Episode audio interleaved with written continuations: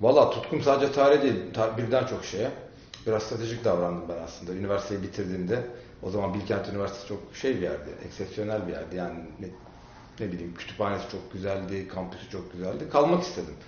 Ee, birincisi bu yani akademisyen olmaya orada karar vermişim. Kitap okumayı ufaktan beri çok seviyorum. Tek çocuk olduğum için de kendim böyle biraz iç, hakikaten sosyal gözüksem de bir iş dünyam vardı. Dolayısıyla böyle şeyi falan anlamıştım yani iş hayatında toplantıya gireceğim işte onun ayağını kaydırmaya çalışacağım, onunla laf kavgası bunu yapacak biri değilim. Yapmak isteyecek biri değilim. Entelektüel bir iş yapmak. Babam çok entelektüel bir adam. Ufak yaşlardan beni kitapçılara götürürdü. İşte e, benle, senin benle bugün yaptığın gibi röportaj yapardı. Hatta hatırlıyorum ondan bana damga yapardı böyle matbaadan. Emrah Safar diye. Çocuk kitaplarında vardı. Onun başına ben profesör yazdır demiştim. Yazdırmamıştı. Belki onun şeyidir. Şimdi e, tam hatırlamıyorum. Ondan dolayı olmadım ama hani içinde hep bir kalmıştı. Yani böyle akademisyen olmak e, is- isteyebilirdim. Ama başka zevklerim de vardı. Yani kendi hayal dünyamda her şeyini benim yönetebileceğim bir şey üretmek, bir ürün üretmek isterdim. Bu bir kitap olabilir, bu bir film olabilir, bu bir ne bileyim roman olabilir, şarkı olabilir. Şimdi müziğe yeteneğim yok. Öyle sinema gibi şeylerle falan filan Türkiye'de endüstrisi yok. Yapılmaz. Yani zor bir iş. Zaten hani çok bilmediğim, sadece izleyicisi olarak bildiğim bir alanda. Dolayısıyla böyle kitapla hep de büyüdüğüm için o tip bir şey yapmak isterdim. Tabii lise çağlarında başka bir şey istiyor insan. işte şiir yazarım. Şiir hiç istemedim de işte roman yazarım diyor falan. Sonra aldığınız yani her yerde eğitiminize göre, elinizdeki şartlara göre avantajlı olduğunuz konumdan başlamanız lazım. Bilkent Üniversitesi çok sağlam sosyal bilimler metodolojisi veriyordu. E, yurt dışına gitmek kolaydı.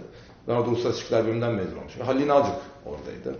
E, tarih bölümüne geçtim. Oradan da Amerika'ya gittim. Öyle bir tarihçi e, şeyine büründüm ama onun dışında başka bir başka bir alana da kayabilirdim. Yalnız çocukken e, şey hatırlıyorum ilkokulda 405 sayfalık şöyle bir tarih kitabı yazmıştık. Sadece ben değil, e, Itır, Onur Okutur, Özgür, böyle öğrencileri de örgütlemiş. Tercümanın altın kitapları diye bir şey vardı. Onu bir kere Twitter'a da koydum. Oradakiler aynen cümle cümle yazıyorduk. Haritalar yapıyorduk. Şöyle bir dosyaya tek tek koymuştuk. Öyle 5-6 yani hoşuma giden bir şeydi. Ama çok tabii kötü bir tarih anlayışı o. Yani oradaki sadece öyle bir hevesim vardı. Babam beni sahaflara götürürdü, saraya götürürdü. Öyle bir tadı vardı ama başka bir şey. Sosyolog da, antropolog da olabilirdi. Ama Türkiye'de onu dünya çapında yapabileceğime emin olmadığım için böyle Osmanlı tarihi gibi bir alandan çıkmak istedim. O yüzden oldu. Tarihi seviyorum ama sadece tarihi sevmiyorum. Yani başka bir sosyal bilimleri okumayı e, seviyorum. Belki başka bir hayatta sosyolog ya da siyaset bilimci olarak devam edebiliyordu. Antropolog olabilir ama şimdi en bir de dillere yatkınlığım olduğu için şimdi antropolog gidiyor Nuer kabilesiyle yaşıyor. Ben yani yapamam ki Afrika'da. Yani öyle bir ya da gideceğim işte Çorum'da bir şey. O ben değilim. Ama arşive gitmek e, yani saha çalışması da benim avantajlı olduğum bir alanda. Özetlemek gerekirse. Aldığım eğitimin bana vereceği avantajı kullandım ve kendi özelliklerimin en çok fark yaratacağı yeri e, buldum. Orada tabii sürpriz faktörler oluyor. Ben 19. yüzyıl tarihi çalışmak istiyordum ama sonra Halil Nazlı'nın orada olması benim işte e, Rusça bilmemem ama ne bileyim işte İtalyanca, İspanyolca, Fransızca falan, Portekizce falan bilebilmem. Yani o beni biraz Akdeniz'e, önceki yüzyıllara, bu dillerin fark yaratabileceği e, noktaya getirdi. Burada öğrenci arkadaşlarıma şunu söylüyorum. Bana sürekli böyle e, mailler geliyor. Bir kısmını yanıtlamaya çalışıyorum. Mesela şöyle işte. Latince öğrenmeye karar verdim. Ya da ne bileyim şu şu konuyu yapacağım. Ya böyle olmaz. Senin elindeki imkanlar seni bir yere iter. Ben mesela Latinceyi Georgetown'da çalıştım. Aklımda hiç yoktu. Çünkü Katolik Üniversitesi'ydi zaten ve onu iyi yapıyordu. Yani, yani işime de biraz yaradı. Siz amaçlarınızı, hedeflerinizi kendi elinizdeki materyallere göre kurmak zorundasınız. İşinizi sevmek çok önemli. Biri bir laf demiş bugün bir arkadaşım söyledi sabah.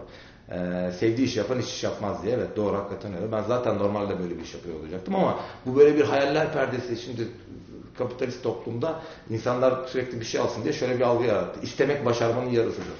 Yok öyle bir şey. İstemek şu kadar bir kısmı olabilir. Genius ya da zeka ya da kabiliyet de şu kadar bir kısmı olabilir. Gerisi çalışma. Hani istemek çalışmayı etkilediği için olabilir. Ama siz avantajlarınızla e, fark yaratmazsanız bir işte başarılı olamazsınız. Şu anda ileride bir sürü niteliksiz insan olacak. Bunların bazıları nitelikli işlerin içinde de olacak. Çünkü çok fazla insan var, çok fazla e, üniversite var. Siz fark yaratmadığınız zaman e, insanlar arasından sıyrılamazsınız. Fark yaratacak şeyler önceden planlamasanız, hadi iki ay bir şey yapayım, fark yaratayım diyemezsiniz. Ben hep hayat kariyerim boyunca tutkum esas değişik şeyler yapmaktı. E, tutkum esas yeni şeyler yapmaktı. Kendime eğlenirken insanlarla da pozitif bir etkileşime girmekte.